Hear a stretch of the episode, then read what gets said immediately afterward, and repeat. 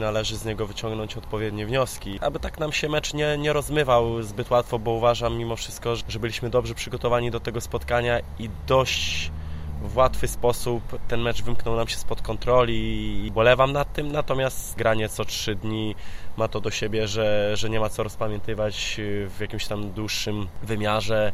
E, tak naprawdę sobie powiemy kilka słów odnośnie podsumowania tego meczu środowego, natomiast myślami już będziemy w meczu z Zabrzem i, i do tego spotkania będziemy się przygotowywać bardziej jeśli chodzi o regenerację, ale również taktycznie, piłkarsko będziemy musieli odpowiednio do tego meczu podejść.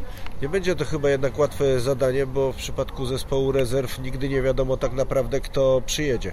Tak, ale w tym akurat przypadku no, mamy jakiś tam pogląd, bo pierwszy zespół jedzie do Białego Stoku, grają mecz w niedzielę, także zakładam, że wyjazd będzie w sobotę, więc, więc na pewno jakiś tam spadów w większym wymiarze no, nie należy się spodziewać. Natomiast bardziej koncentrujemy się na sobie, tak jak jest w meczach z rezerwami właśnie. Należy bardziej się skoncentrować na sobie i tak też czynimy.